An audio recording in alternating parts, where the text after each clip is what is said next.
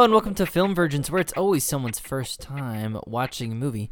I am Travis, I am Christian. And I am Marcus. and today we are watching 12 Monkeys, a 1995 American neo noir science fiction film directed by Terry Gilliam, Yeah. starring uh, Bruce Willis with little Brad Pitt in there, one of his bi- first big like notable roles. Uh, pretty memorable performance, strong with Christopher Plummer, Madeleine Stowe. Um, I saw this movie in 2007. I remember because I was actually Christian and I were roommates at the time, Yes. and I watched your copy of it in my brother's basement, who we collectively live with. Um, and uh, I liked it. I saw it once, um, and I don't know. I remember being very solid. Uh, it's I don't well, that's a spoiler. I don't want to say what it's like. Uh, it's a good movie. That's all I remember though. I don't have a ton of details. I don't um love all of Terry Gilliam's stuff. He has a mixed range of movies. Some I like, some I don't like. Um, but this is I think one of the good ones. At least that's how I remember it. So I'm excited to give it another watch. Christian, what's your you're more the film expert I think on this one. Yeah. Uh, what's what do you think about Twelve Monkeys? I think it's essential sci-fi. Um, I love Terry Gilliam. At least we'll call it '90s Terry Gilliam, '80s Terry Gilliam. Uh, it seems to have gone a little bit off the rails in the 2000s, but uh, we'll we'll forgive that. And uh, yeah, I think this is essential. I think it's a really great watch. It's been a long time since I've seen it, so I'm actually really excited to watch it again tonight and see how it ages. But I've seen it a number of times, and I liked it every time. Um, and I'm I'm really excited to see what Marcus thinks about it because I think you know, I think it's a polarizing film. So we'll see what kind of uh, where where on the pole Marcus lands. See the director on this one? Yes, Gilliam. Okay, I'm Gilliam. like looking through his. He's the ugly dude from Monty Python. Sorry, Terry. Oh, he did the Brothers Grimm. Yes, indeed. That's part of that 2000s falling off the rails kind of thing. Super Grimm. But but he did Fear and Loathing, and he did Brazil, Time Bandits. Um, he's got he's got a resume. He did that movie that's the last one with Heath Ledger, where they had to like Th- that- that- replace that- him. Oh, Yeah, that's- which that- one is that? Uh, the Imaginarium of Dr. Parnassus, if I recall. yeah, that movie's pretty dumb. Yeah. uh, it just it wasn't very good. Oh, I- I heard people just saying it was super good. Eh, no, not that I remember it It's being. not. You know, no. I think it too was polarizing, but polarizing with a little bit of bias towards the negative. Mm. Okay, interesting. Um, did you ask me what I know about this movie? Yeah. What do you know? What do you think? What are your expectations? I don't know shit. Um, I remember I remember commercials about it that happened a long time ago when I was um how old was I? When did you say this movie? came out? Ninety five. Oh dang. Yeah, it's old. It's old, man. It's getting Yeah. up there. Yeah, so I was in grade school still. But um just remember commercials. I remember Brad Pitt being in it more than Bruce Willis. I don't know why. Hmm. and it looked to me to be about like and it like I don't think it's an infection movie, but in my head when I try to remember my impressions of it back when it came out, I got the feeling it was like a zombie infection movie. I don't know why. Mm. Maybe the commercials sold it really bad or I just interpreted it really weird with an overactive imagination or something. But yeah, I really don't know anything about it. Um, I've just heard the title, know it's a movie, and I expect nothing. So But I think that's the best way to go into this movie. Yeah. I'm glad, like, I kind of stopped myself from comparing it to something. And I'm really glad I did because I think this is just one of those movies where you just prepare. It's sci-fi. That's really all you need to know. And um, Bruce Willis has done some decent sci-fi, actually. Yeah. I think Mhm. Fifth Element, I mean, it, it gets billed as campy sci fi, but I actually think it's a brilliant movie. Mm. And Bruce Willis. brilliant. Brilliant. I would say brilliant. Well, this is not this is not time to talk Fifth Element, but I'm definitely right. yeah, he was in Surrogates, which I liked. I, I like Looper a lot. Looper was great. Yeah. I really like So he's. Looper. I mean, he he does some decent sci-fi. He, you know, it's usually more action-centric sci-fi, but, uh, but he he fits it well in that situation in those scenarios. well, by the genre, and you were saying you were going to compare it to something. The genre is like the same genre as Blade Runner. Not sure if it's anything like that movie, but neo noir, Mm-hmm. sci-fi. That's Blade Runner. Totally. I'm pretty sure Blade Runner might have been the first. Mhm. What I was gonna say, what do- what are your cherry ratings going in, Christian? If you had this to give a pre-rating oh, based on your memory, that's so hard. My memory's no good. I know mine's bad on this one too. Um, you know what? I'm gonna go seven. Um, I feel like seven's a safe rating for movies that I like, and I don't necessarily think of it. It's not one of those ones that I go out of my way to recommend to people. Uh, I know that's something that Marcus talked about as one of the criteria that goes into ratings for him, and I love that. The more I thought about that, the more I thought that's a really brilliant way to think about ratings for movies. And I, I realize I don't really go out of my way to say, "Oh, you need to watch the Twelve Monkeys." But every time I've watched it, I've been like, "This is a really classic sci-fi film." Hmm. I have only seen it once, and I've never been interested in revisiting it. That doesn't mean it's bad; just means I watched it once and it was good. Mm. I think that might mean I I left with a six, Mm. feeling of a six. We'll see if that goes up or down. Six is not quite middle of the road for us, but it it you know a lot of times it's it's slightly above middle of the road. So I that's my feeling. I hope it climbs up to a seven, to where I could be like, you know, if you didn't see Twelve Monkeys, you should watch that. That's what I'm hoping to get out of this And, tonight. and a Film Virgins six is much higher than an IMDb six. Oh, That's yeah. a solid rating. Very much so, yes. Well, let's go watch the movie. Okay, we are back. We just watched 12 Monkeys. This movie came out in 1995, as we mentioned, had a budget of 29.5 million, uh, which at the time, Yeah. not a lot for a sci-fi film. Not a, definitely not a lot today. Apparently, part of the reason that I think it was Universal uh, didn't have much budget to allocate is they just taken a huge loss on Waterworld. Waterworld. Yes, Oh, called it. so they, were, I guess, uh, Bruce Willis worked for like low, low money. He accepted like less pay scale. I don't know. Th- 30, 30 million seems like that seems like good money in 1995. Is that not good money? Is it that sci-fi cost a lot more? I think they had a pro- larger projected budget. You know, I you could see this movie has pretty decent pro, uh, production values, but it's, um, you know, it's very, I don't know, it's it's how do we how do we how would you describe the effects of this movie? Amazing. They're very practical. Everything is made of that plastic sheen that you put on your couch, that- on your grandmother's couch. Marcus is like, I fucking me over here. Like he's about to drop some real right, all right. negative shit. hold, hold off, hold off on that. Not yet, not yet. So, but it, but it, it uh, grossed like 170 million. It did really well, and uh, Brad Pitt, as we mentioned, I was mixing this up with his appearance in uh, True Romance for some reason. Yeah, that was yeah. That- that, I was said actually his start. I said cameo at the top, and really, uh, yeah, I was thinking of True Romance. No, this is a This is a supporting role, Yeah, this is a significant role. and he got nominated for an Academy Award for this. oh wow. Yeah. Um, I don't think he won, but uh, yeah, notable performance. So after watching Twelve Monkeys, what did we think? But before that, Christian, what is the story of Twelve Monkeys? Let me give that again. Christian, what was the story of Twelve Monkeys? All right, it's a dystopian sci-fi. It's futuristic, so it starts several years in the future. How many? 15, 20? It's like 2035. 2035. Okay, so so this is really it's I guess 40 years in the future.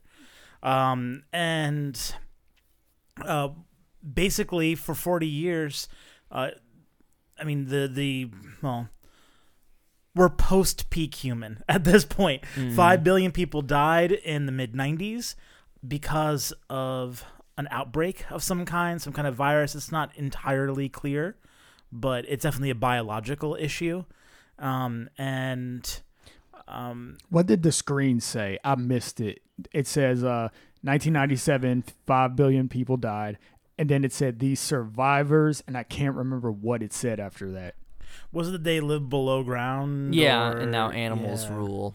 Yeah. Ah, yeah. okay. Um, yeah, and we see evidence of that pretty early on. But basically, they apparently have technology to send people back in time. And they're using that technology to try to gather information about the virus in its unmutated form so they can find a cure in the future. Um, the, the assumption being that time is immutable, that they really are just going back there as observers. And so we can't necessarily change the past, but we can in fact learn from the past and use that to solve the future.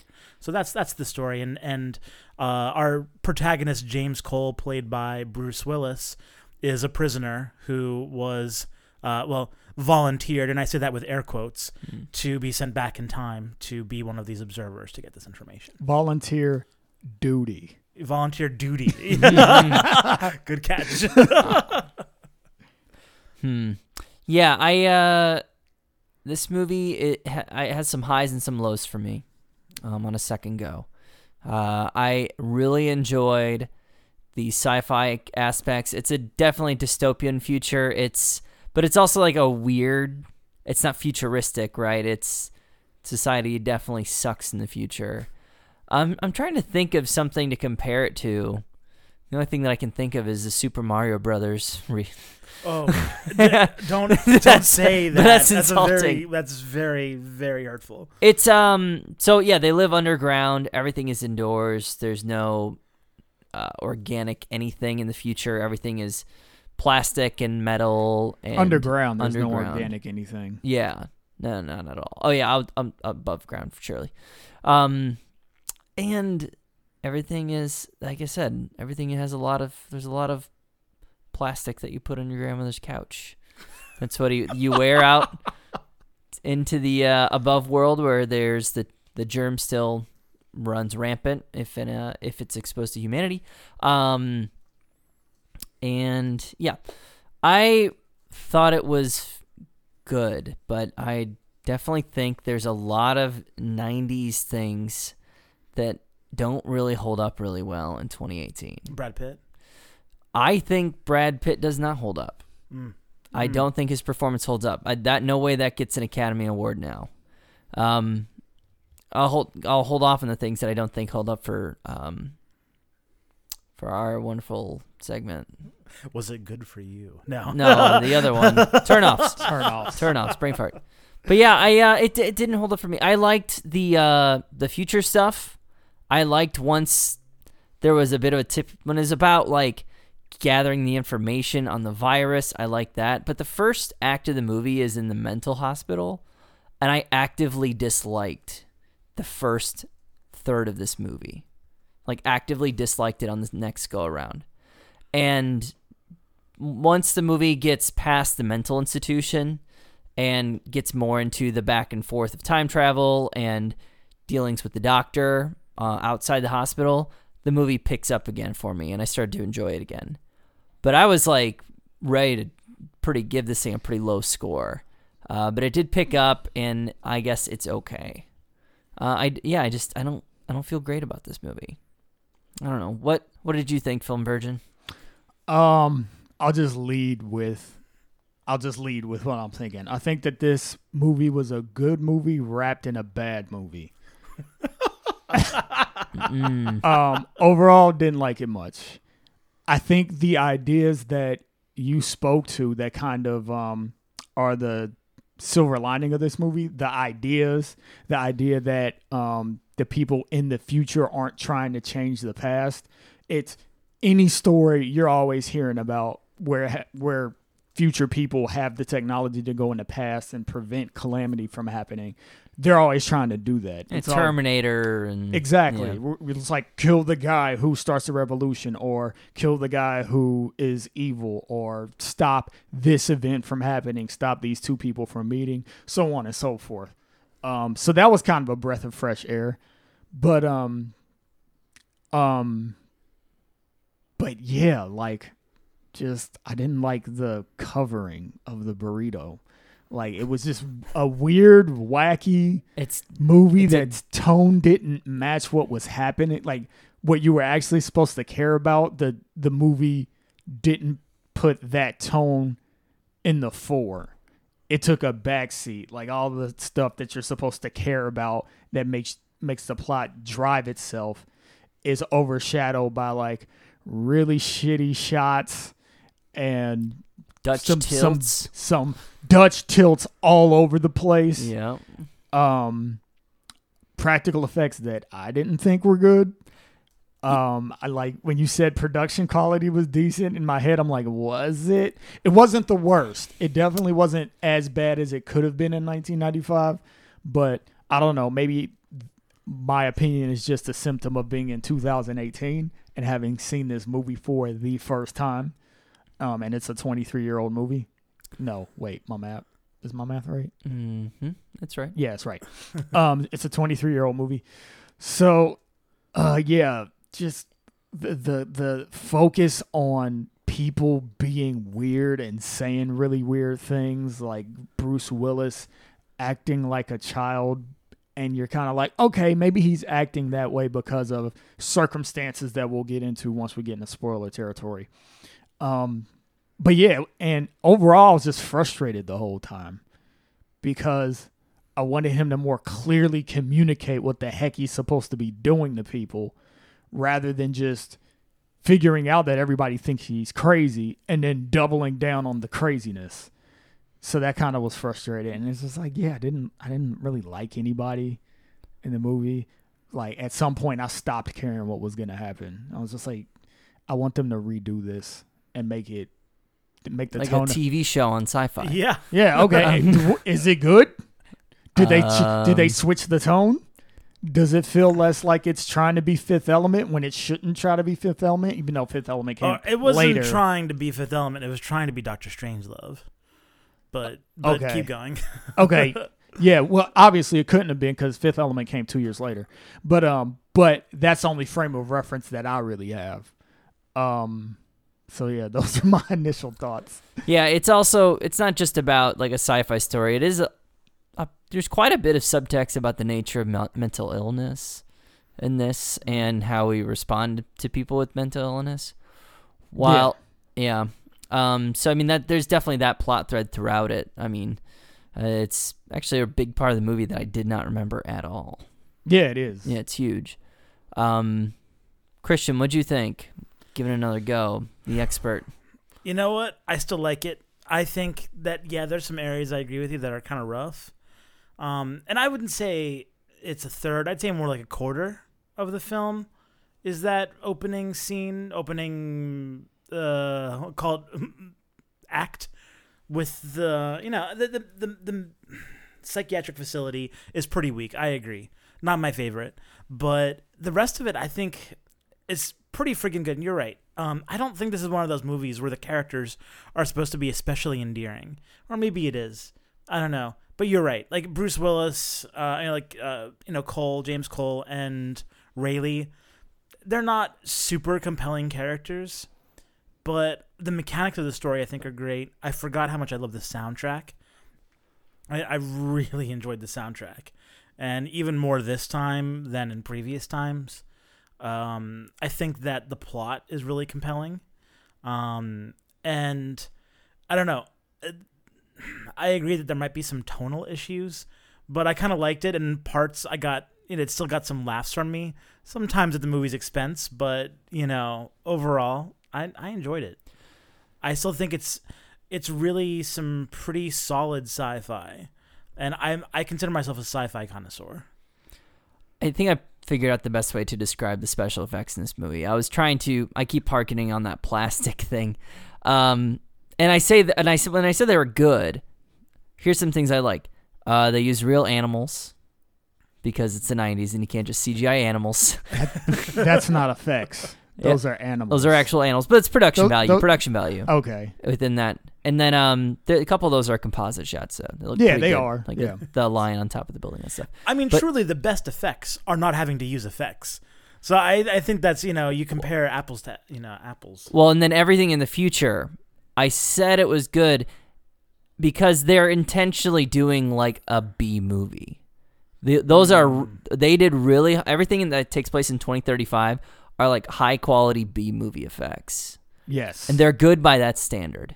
They're not the TV mosaic sphere. exactly Yeah. all of that. I mean, the people on like weird suspended cables and nothing really makes sense, but it I don't know. It's it's a very intentional choice. So I'm not going to dock it for not looking like a realistic future. I'm not going to dock it for looking like, you know, the Matrix dystopia or Blade Runner because it's doing something different with a lot less money and it's a little at least a little bit self-aware. So I'm not going to knock it for that, although there's a lot of clear plastic. Well, I mean, that's the reason why I am going to dock it, though, is because, like you said, Christian, the sci fi in it is actually pretty dope. Like the ideas that the movie's putting forth and presenting are awesome. And that's what makes me dock it harder because it's intentionally, it's obviously intentionally trying to be B movie. So I'm kind of set up like, okay, I need to watch this like a B movie. But then I don't want to watch it like a B movie because I actually care about the plot because the plot is pretty decent. I think that's where those tonal Yeah, and I didn't like that. I'm like, if you're gonna give me a good sci-fi plot to take seriously, like give it to me seriously. Like don't don't do all this wacky shit that makes it a circus. And then I'm supposed to be like, oh, but those thoughts are deep. I don't know. It doesn't mesh with me. Um, what was I gonna say? Uh, oh yeah, I'm really shocked that you like the music. I hated the music in this movie. I did too. Fuck accordions. Oh, okay, man. guys. Oh, Okay. did Fuck. not Fucking like it accordion. at All right, don't all say day. anything you guys can't take back. I, oh no, it's too late. I, I don't say things I can't take back. it it's on record on the internet. print, print. it's ready for print. So that's it's already the future, and the podcast has already been released, yes. and the response to the podcast has been good. Ooh, I like this. yeah, that's awesome. I mean, I, I actually have some defenses to some of the things you're saying, but I kind of don't want to give them pre spoiler. So are we, are we ready for some spoilers here? Yeah, I think yep. we have our impressions out of the way. We can Yeah. get into Yep, spoil yep. territory. If you want to go watch it, go watch it. Um, I it's worth a watch. There's some really good sci-fi elements. Um, and some strong choices in the direction. But uh, yeah, spoilers. Go, Christian. What are you gonna say? Uh, You know what, man? So I hear what you're saying, but I think, I think that kind of B movie sci-fi thing. I think it's a, a del- it's a deliberate choice. That's for darn sure. The only question is whether it's a tonal match. But I have to say, I love it, and I think the reason why I love it is because of what Travis said earlier, and I think that there is there are very strong overtones of mental health, uh, state of mind. This is a psychological movie, like a lot of other Terry Terry Gilliam films, and I think that's really important. And I, one of the most important scenes I think, uh, to in my defense is. Uh, nearing the end, when Bruce Willis, when, when when James Cole is trying to figure out what is my reality? Is this real? Uh, you know, and the future is fake, or you know, is the future real and this is all my imagination that I can actually change this reality, or are both real? And th- the future, from the perspective of the viewer, from our perspective, is surreal.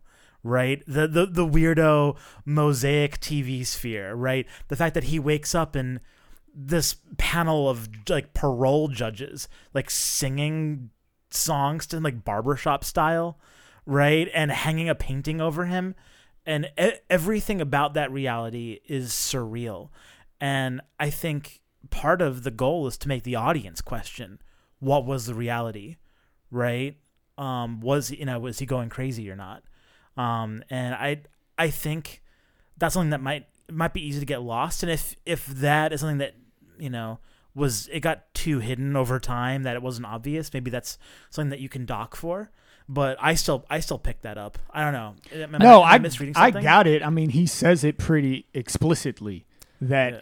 I don't know which reality is which. Yeah. like I'm going crazy, and at the same time, she is also starting to break. So they were they switched roles for a second. yeah So I'll repeat again. I agree with you about all the ideas that the movie puts forth. They're all good.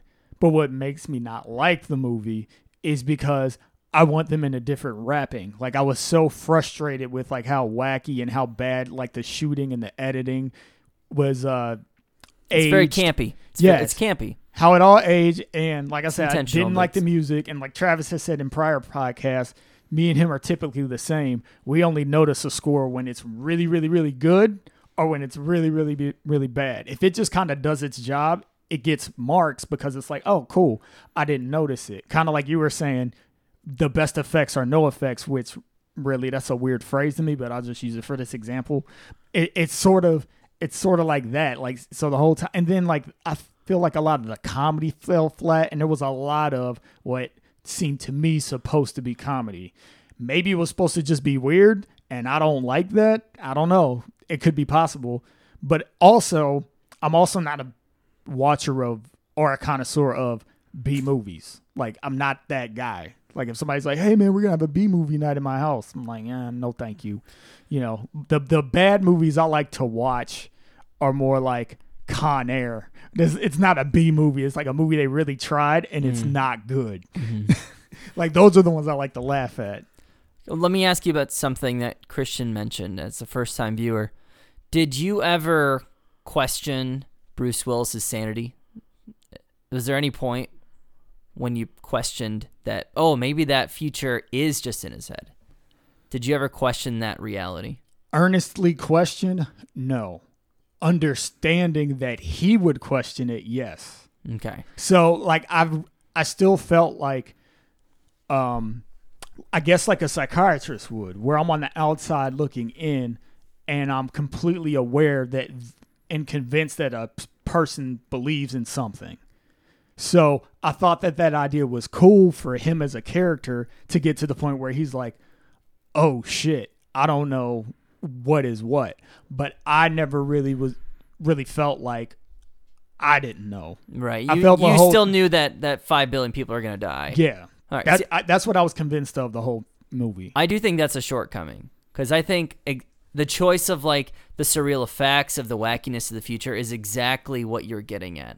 It's to make you question Bruce Willis, but I don't think the audience ever actually it doesn't they don't push that theme hard enough to make you actually believe that Bruce Willis might be insane. And I think it would have been better a better movie if they had. If throughout the movie you're guessing more about his sanity instead of him constantly guessing his sanity, which we see a lot of. The audience should be guessing whether he's insane along with him. I think but- that would have been more interesting. But what the audience should be doing, like even even if you see that that's not a good enough play, what the audience should be trying to figure out is does the original James Cole narrative of how the future work actually hold to that universe, right? Because the original claim is that it's kind of a um, look, don't touch kind of a scenario. So the future has already happened and it's immutable, and they're just observing and trying to figure out information, right? But over time, we see that that's actually not true. Um, and that's part of that psychological component is Bruce Willis realizing that wow, the mantra, what they told me about about time travel is not true, um, and realizing that he himself had a massive impact uh, on on the timeline. Um, Wait, did he? Well, yeah, that's what I was just about to ask because what, I'm thinking is maybe we dis- that movie discovers something about how time works that nobody quite understands. I don't think that he necessarily impacted it in a way that was altering. I think in this universe it's completely possible that time fulfills itself. Um, I was listening to a uh, a debate about time and space. I think like on YouTube. I can't remember who it was with, but within the debate they proposed like several different paradigms of time, and it was really cool. There's like the um, linear time. You can't change anything ever. That's like the most basic um, postulate. I don't know if I use that word right, but I'm using it anyway. Um, the second one was you go back, you change something, you create a new timeline. So the original Back to the timeline, yes. exactly. The original timeline, uh, and also Star Trek. the original timeline stays intact, and um, A splinter. It creates a splinter universe. Exactly. There's that. yeah. there's a branching timeline that branches off of that, and then the third one is almost kind of like what happens in shit. Which Harry Potter movie is it? Uh, it would be the um, uh, the third one, Prisoner of Azkaban. Yeah, yeah, yeah, yeah. Because that's the one where they, um, somebody's about to get executed, and then they kind of like take a time potion or do a time spell. I'm not a Harry Potter fan. Hermione sorry, has the the but time thingy around her neck, so she can take all the classes. yeah, yeah, yeah. So they basically go and do a bunch of stuff, and then when they arrive back to the place where they left time, it evens itself out. So maybe that's how this timeline works. It's kind of how it works in Bill and Ted's too. Yeah, so maybe time is immu- immutable, but it's not a straight line. Maybe it can do loop de loops and spirals, but no matter what, it always still comes back to what is going to occur. Maybe. Well, no, but what I'm saying is that he himself actually seemed to have been a huge cause of how the future actually reacts to events and how they envision their past. It's a significant change, right? So their entire idea about the 12 monkeys, like the the yeah, the the, the titular 12 monkeys, that all came from a misunderstanding that Cole had about the past. Gotcha. I see what you're saying. So Yeah. like it- like you can say oh like well he failed to prevent the annihilation of most of humanity but you know there's more than just that in a timeline and yeah he he caused this paradox and he really kind of set up the future for failure in understanding the past.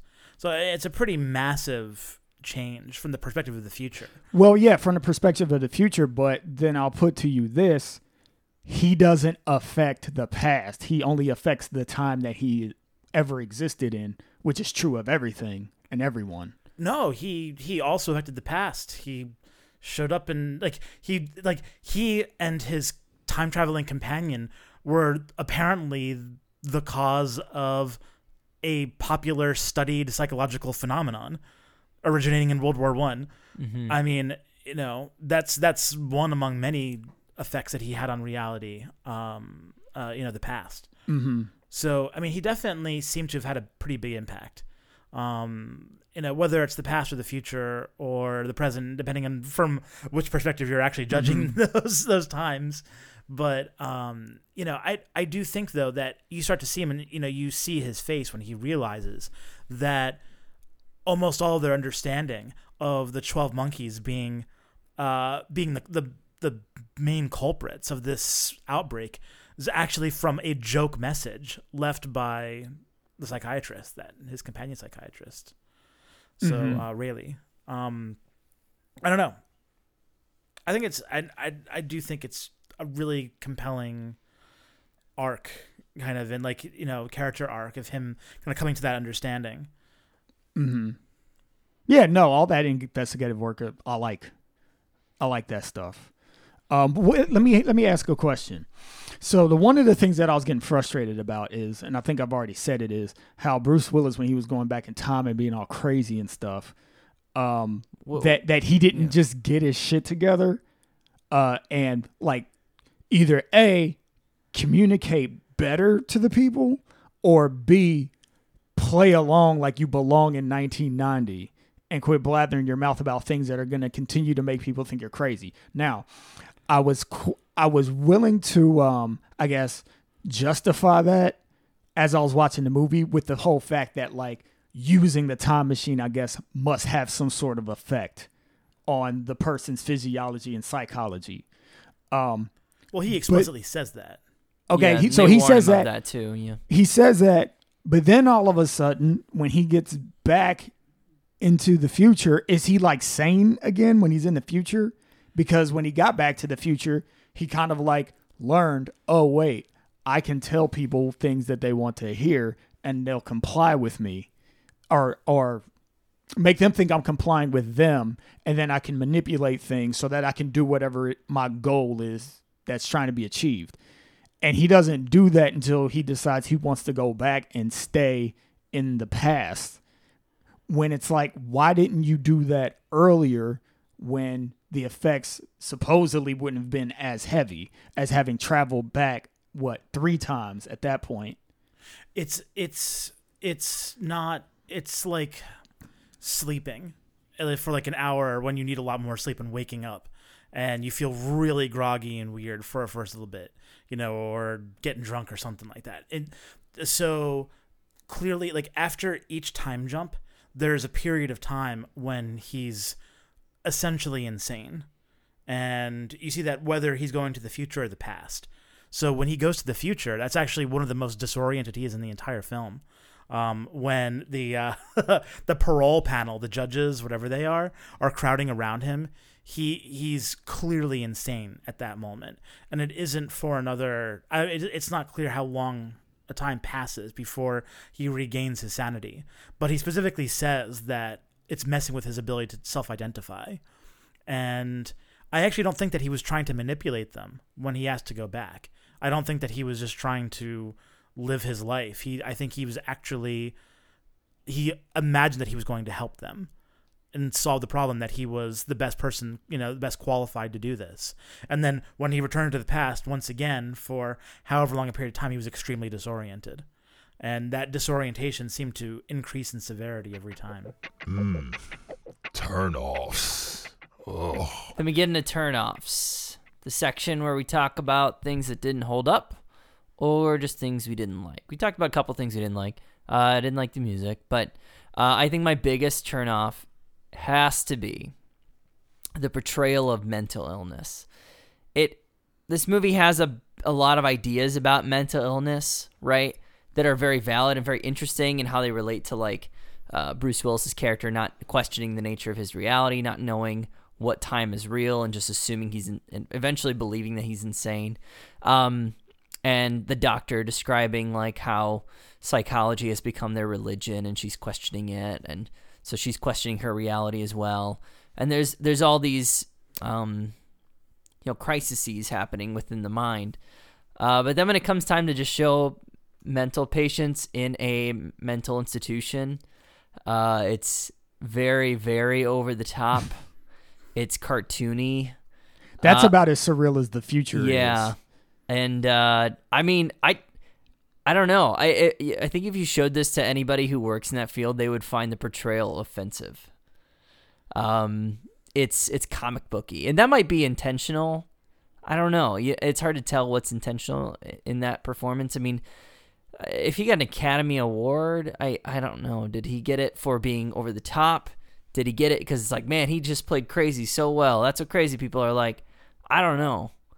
I don't know what the '90s were like. um, but I do see a trend of older movies usually having a certain callousness towards uh, these types of populations. So this isn't one one flew over the cuckoo's nest, which is I think a much more fair representation of mental illness. This is uh, comic books. This is Arkham Asylum more than uh, anything touching reality, and uh, I think it portrays itself as pretty much reality. So I think it kind of it's borderline offensive. I don't know.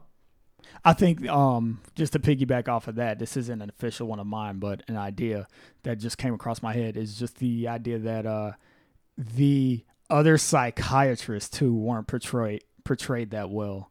They're all just kind of like, Oh, you mean Frank Gorshin? yeah. Speaking speaking of Dutch tilts, it's the Riddler from Batman '66. Oh, jeez. yeah, But um, peace. but uh, yeah, they all just seem kind of rather dismissive and disinterested.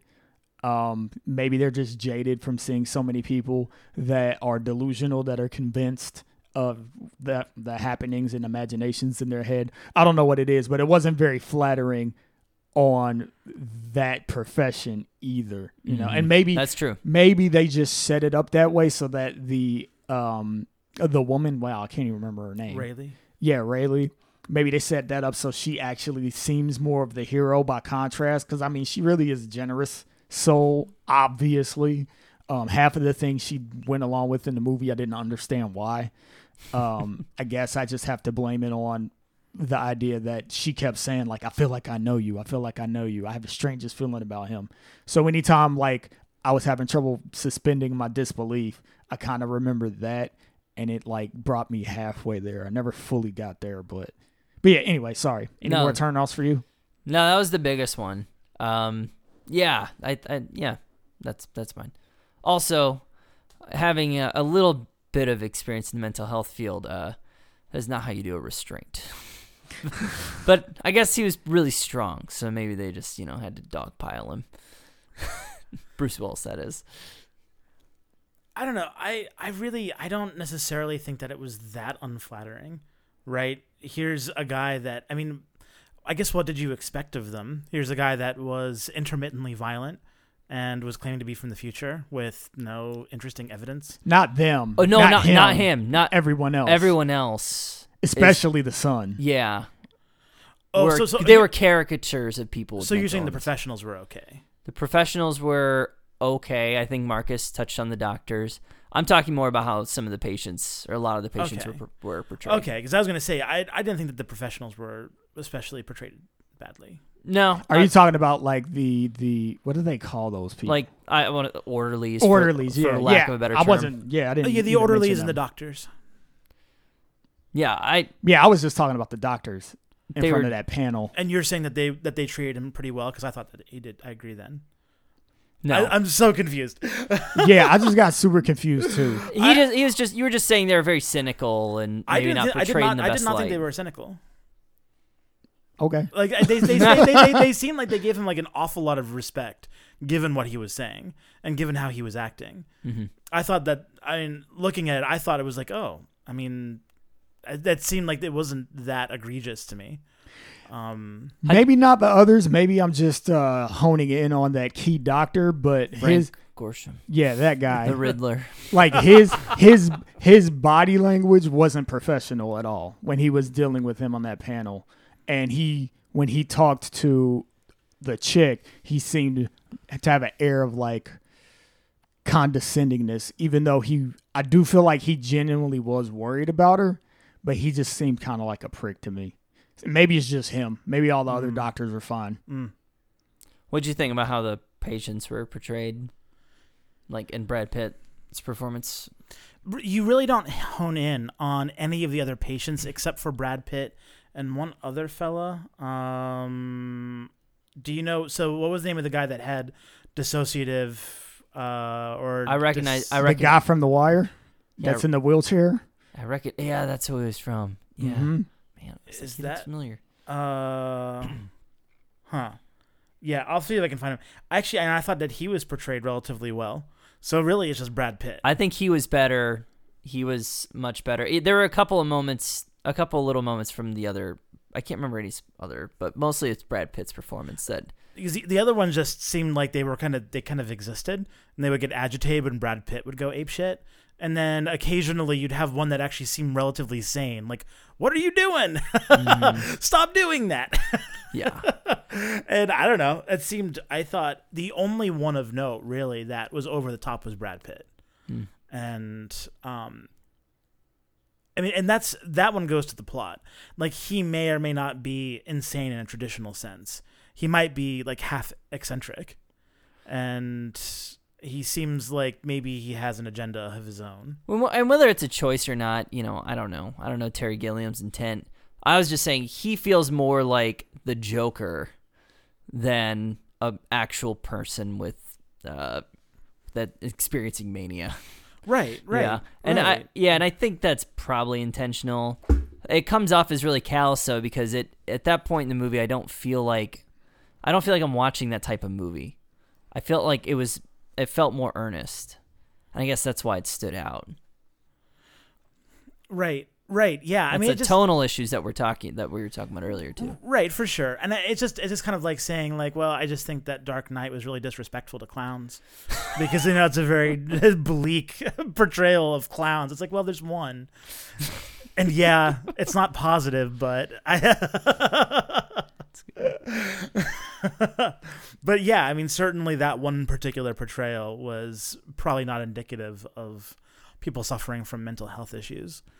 I agree with that. What do you think? Turnoffs? Got mine in. I don't know. I I do think there was some of the future that was a little bit too be like too campy for me. I don't know. I didn't like the uh the time travel suctiony thing. Uh that that one was like ugh. I, that one They- that they- one made me sad. They put him in a tube of saran wrap. and then squeezed And them put into a A hole blue with a blue light. that I would- I I would transports call it an you orifice. into the future.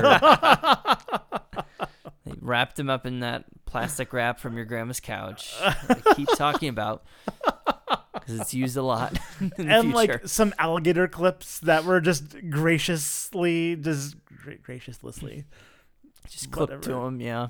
yeah. It it was like surely they have some kind of conductive pad that they can use. It's kind of. I love that scene in Looper where he's talking to himself in the past and himself, right? And they're in the diner talking to Joseph Gordon-Levitt. He's like, "Listen, don't don't think about it. Don't think about this future stuff. It just is." it's like speaking to the audience, basically breaking the fourth wall. Like, listen, don't overthink this time travel stuff for this movie. Get the basic points and try to enjoy yourself. Well, the time travel points were actually the best part. It was just like the, The suction showing it, thing yeah. and the alligator clips and the lights. That was it's very B. Agreed. It's Very very B. B. I I think it's supposed to be. I really see a lot. I think where he's just trying to be Doctor Strangelove, and they actually give a nod to it in the Yeah, movie. they mentioned that too, man. Um, and so I think that's that's I think what he was going for tone wise, and I think that he didn't succeed in executing as well. Um, and uh, he didn't ex- ex- he didn't succeed enough to actually make it plausibly the same tone. But I think it had a value all of its own. I like Terry Gilliam. I don't know. Sounds like rose-colored glasses to me. Hey, Oh, hey. so my turn. Oh, Yes. oh, where to begin? Like we, we hit a lot. Dutch angles, um, B movie, whether it's intentional or not. I mean, you can be intentional to be shitty, and It- it's still shitty to me. You know, looking at his filmography, it's So- it's definitely a ch- I think it's a choice. yeah, I mean, he's a Terry Gilliam's a pretty eccentric filmmaker, so I I would assume most of these were direct choices, but that doesn't mean Yeah. necessarily And they're I good ones. yeah, and I mean, it didn't seem like it was accidental to me. I just didn't like it. Um, what else? So this may or may not. No, this is a turnoff. So Bruce Willis at one point accidentally gets transported to um, World War One, where he gets shot in the leg, and um, and uh, that's because science isn't an exact science. Quote straight from the movie. That's science fiction. Um, and uh, they don't show him go back to his present time and then end up in 96 so it's like did that happen? And he's still shot with a bullet in his leg. Did he come back? They sent him back out on a mission with a bullet in his leg? It seems like if they want him to succeed they would bring him back fix them up at least a little bit and then send them to 1996 like i didn't get that whole thing it's like it, it, the transition lost me So they don't. I, it appears like they have the technology to transport someone in between times without the layover. Uh, what they don't seem to have is the ability to actually understand what a person's doing. That's why they have that the dead drops. That's why they have that phone number. yeah Um, is because otherwise they have no ability to actually communicate with the person, Right. so they would have no idea what happened to him. They're just like, oh, went to the wrong location, wrong time, and just you know dial it to the other one, and then you know okay it's better. Um, so Okay, so them being able to transport from one time to another, that was completely lost on me. I didn't get, I didn't Yeah. get gather that. And I think my understanding is that the only reason that they were able to figure out that he was in that other time was because of that photograph. So like they Mhm. saw the photograph, it's like, oh, there he is, and then like I found him. Let's let's get him to the right place. I don't know. I think that's the assumption. I I don't think it's ever explicitly said, Yeah, but uh, and some of this I'm actually kind of stealing from the TV show. The TV show has that mechanism too. okay, Um, so It, it almost seems like uh, there's a time limit on how long before. that's what I was thinking too. That's what it feels like in this. that that seemed to be implied a little better. That happened with enough frequency, maybe like two or three times, that I was like, oh, okay, I kind of, I think I get it. I, they don't say that's what's happening, but you can kind of safely assume that's what's seems like uh, happening. like 30 hours or something. He would exist in the past and then revert to the quote unquote present 2035. Or is that just how their artificially imposed time limit and they use the tooth to track or something? I could be. Yeah. That could also be.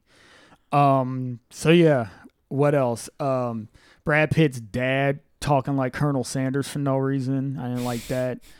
Um, Oh, he was great. this Um, is this is the eminent Christopher Plummer that Marcus doesn't. He's a pretty like. big actor for such a small role.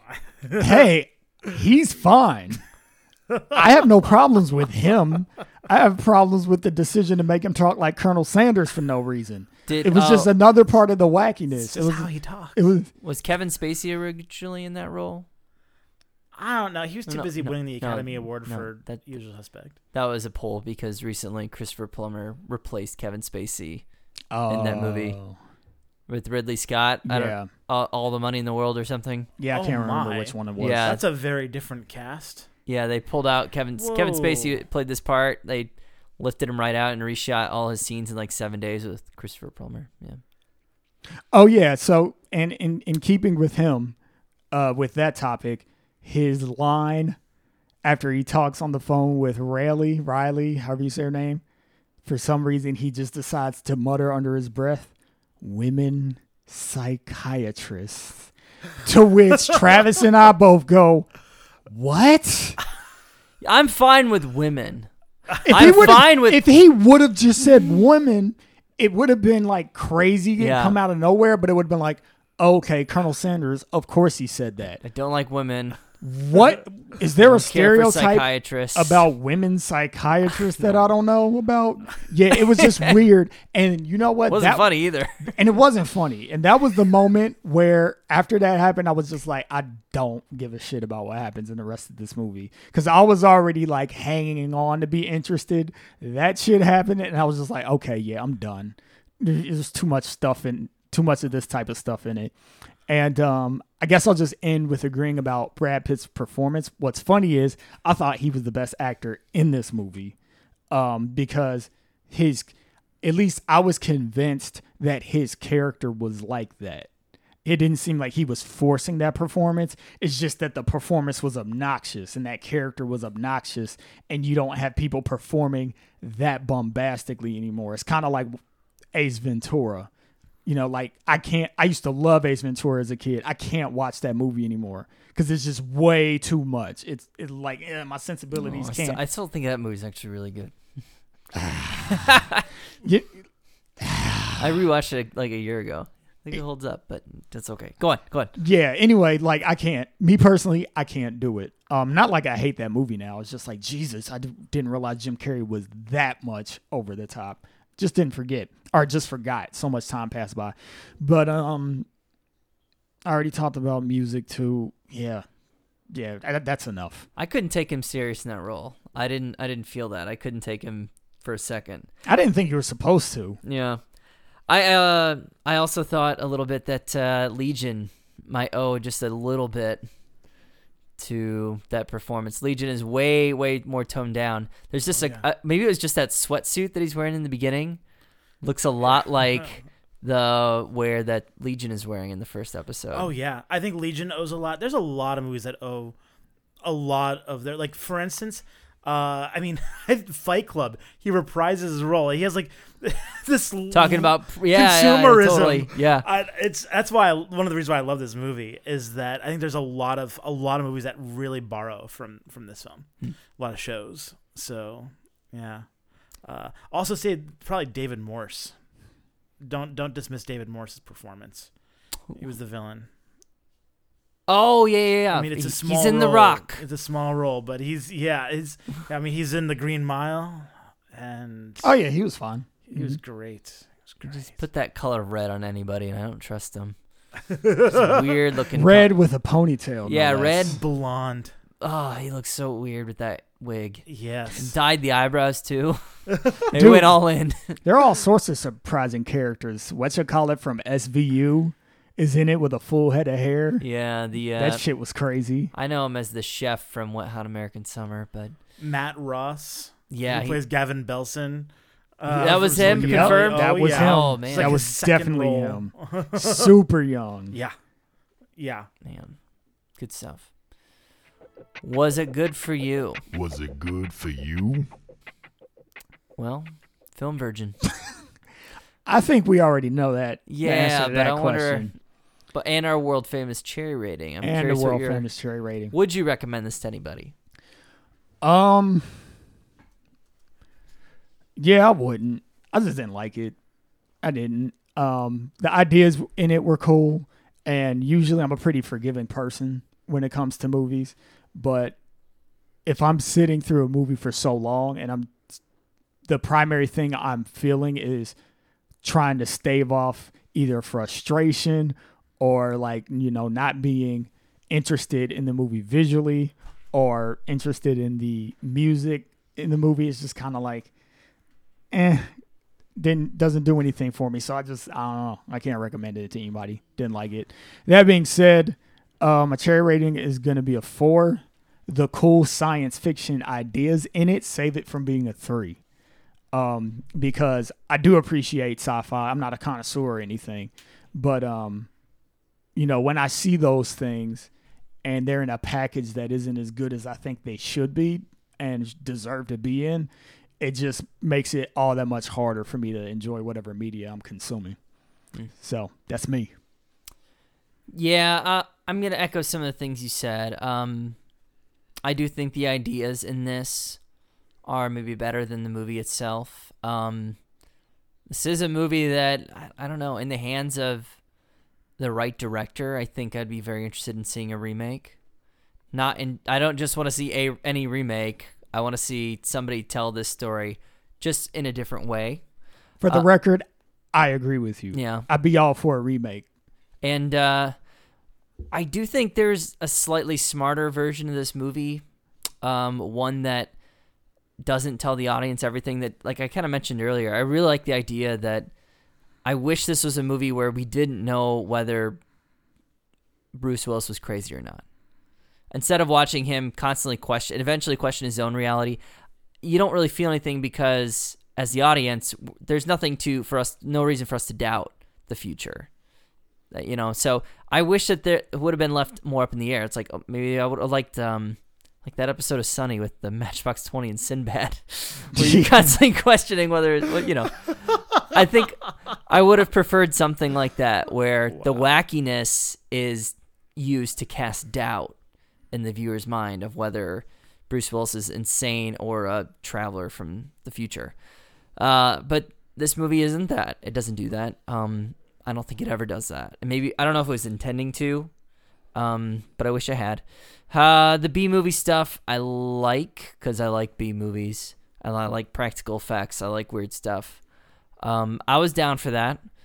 Uh, but there's other times where I don't think it fits the movie. I can't. It feels like it's it's very wacky in the beginning, and then by the middle of the movie, it's very earnest. And I remembered it being a very earnest film.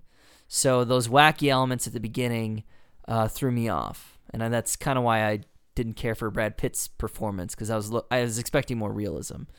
Um, didn't get that, but uh, I don't. there's a lot of good sci-fi, and this has some really good sci-fi elements. I'm not sure this is one that somebody has to revisit. If they want to see, I think Bruce Willis's performance is really good. If they like, if they're a Bruce Willis fan and uh, they like practical effects, they like sci-fi, they're, you know, down for something a little more wacky. I think that they could get down with this, but it's not something I'm probably gonna recommend to anybody. Um, I was gonna give it a four two. So I'd recommend this to. I mean, I definitely think it, it deserves recommendations to people who like sci-fi. Uh, I think you guys probably don't like sci-fi enough to really know how to recommend sci-fi, but it needs to be recommended to people who like sci-fi. It is essential science fiction, um, and uh, also if you like Terry Gilliam, I think increasingly there are very few of us left. but but if you liked Brazil, if you liked Fear and Loathing in Las Vegas, um, I think this is this is definitely in that canon, um, and uh, I think that's pretty much that's those are pretty much the two big buckets, um, and so yeah, um, I'm gonna give it I'm gonna give it six cherries. Um, I figure that's what I gave Book of Eli, so should be about right. He's just saying that to try to get a rise out. of me. Mm. That's it. It's okay. You're, you're wrong. Speed so Racer's that'll four, so that'll- be about right. knowing in my heart that you are wrong is going to lull me to sleep tonight. this is warm your cockles. I like this as much as Speed Racer. Yeah, it's stupid too. Dumb too. Piling on. At least Speed Racer was supposed to be wacky the whole time. Oh man. yes. Quickie. No, where does this land? Oh yeah, that's right. Sorry. All right, four point six seven. Um, this is it's it's definitely down our list. It is above Lucky Number Slevin, Good. King of Kong, The Big Hit, Con Air, Mad Max Two, and lastly, and leastly, Throw Mama from the Train. Fuck that movie. yes. There, that Hitchcock movie was referenced in this, or Yeah. was on Yeah, a marquee. Strangers on the Train. Yeah, Strangers on- whatever the yeah. Fuck that movie for inspiring Throw Mom off the train. And again, 12 Monkeys is just behind with 5.0, uh, tied The Raid and Payback. Hmm. That doesn't bother me. That placement's okay. Yeah, yeah, yeah. I feel okay about that. Time for a quickie. Quickies. Now quickies. Now, quickies. What are you guys enjoying? Tell us very quickly. Hence the name, Quickies. I got nothing. There's a book that I want to read, but I haven't started reading it yet. What's the book? Tell us about it. Um, this is really exciting. It's a book called How Not to Die, I think, or How to Eat Not to Die, Eat Not to Die, something like that. Anyway, I was um over a friend's place over this weekend. Their kid was having their birthday party, and I'm like perpetually on diets because of health reasons. And um, she was just showing me this book that had.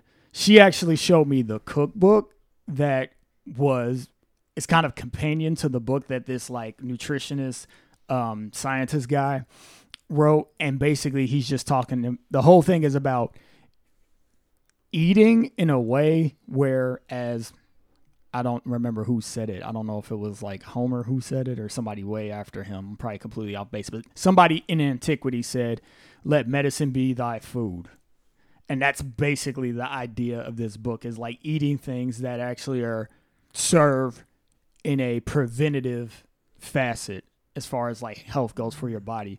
Um, and so the cookbook, which she actually showed me, basically has a bunch of recipes to eat super healthy and to eat in ways that you know are actually going to benefit your body rather than just you know giving you energy but at some sort of cost so i want to get both um, because i cook all the freaking time now and i hate it but i might as well try to cook some things that are mildly delicious with my limited cooking skills So you have so you have cooked some of the recipes so far? no i have not You have not. i haven't even started a book i don't have either one of them yet Okay, okay, okay. but okay. Wanted me to say what they were so i'm just Yeah, yeah, i'm going yeah. i'm just talking about it so yeah i have plans I just think when you read them, I want you to give some recipes. I, I know I'm serious. I want to hear them. I want to. I want to hear some of these recipes, I'll just like let you borrow the book. or we can make a special post. But um but yeah, so have plans on reading those and then I'm also super excited for tomorrow because one of my favorite mangas right now, My Hero Academia, the new volume hits American shelves tomorrow. So I'm pretty excited for that. Nice. I have at home purchased by my girlfriend The League of Extraordinary Gentlemen by Alan Moore. The book? Yeah, the book. Okay, I not take, the film. I take my face away. Yeah, I take my face Take that back. sh- face, shove it up your ass. Because I heard the book's awesome. Yeah, um, uh, the art's great. Uh, I read like the first issue. It's a the compendium, so it's got all the issues in it. Um, and it was really good. It's not the genre I would naturally gravitate towards. Um, more of either like, I don't know, fantastical. I mean, it's very fantastical, but I don't know. I don't. I don't care about these characters. You know, these um, open domain characters, but uh, Alan Moore's a great writer, so I'm giving it a chance and uh, intrigued so far. So I'm gonna give that a read. Um, I got some other comics that I haven't read yet that I'm hoping to get to this summer. I'm gonna read uh, Tom King's Batman run. I've talked about uh, Tom King before. He wrote some really good stuff on uh, Vision. he was a former CIA agent who like got into writing comics, and uh, he's a really good writer. Um, so he's doing a lot of DC stuff now, and supposedly his Batman run is really good. Um, and there's like four volumes of that, so I'm gonna get into that, but I haven't touched it yet. I haven't had time, so I, I that's all I've done. Been watching Westworld, but I mentioned that a couple episodes ago. So Still watching Fargo. Still amazing. yes, Yes. what do you got, Christian? Okay, so I've been actually listening to a lot of jazz, as I am wont to do, and uh, recently Stefon Harris, who is a vibraphonist, he is awesome. So if you ever get a chance to listen, he's just, I don't know, I don't, I'm, I'm a jazz connoisseur, but this is a dude that maybe if you don't really like jazz all that much, or you ever haven't, you haven't found something that you truly loved, you should give Stefon Harris a try because and vibe jazz is its own thing. Is its own style. I don't know. It adds a totally different element to jazz that is unpredictable and maybe you'll love it. So he's he's done a lot of like he's he's done several really great albums i think probably my favorite one is african tarantella um and it's it's an awesome album so give it a listen if you like jazz or specifically if you don't Excellent recommendations. At least one of them. the rest were things maybe we'll recommend in the future if they're good. yeah. Awesome. Thank you so much for listening. Uh, we are the Film Virgins. We have an Instagram, which is Film Virgins Cast. We are also on Twitter, Film Virgins Cast. Uh, please subscribe to our podcast, which drop drop roughly once a week. And that's about it. I have been Travis. i've been christian And I've been Marcus. Come back next time for more sexy movie talk. Thanks for listening. Subscribe and look for our next episode next week. Yeah.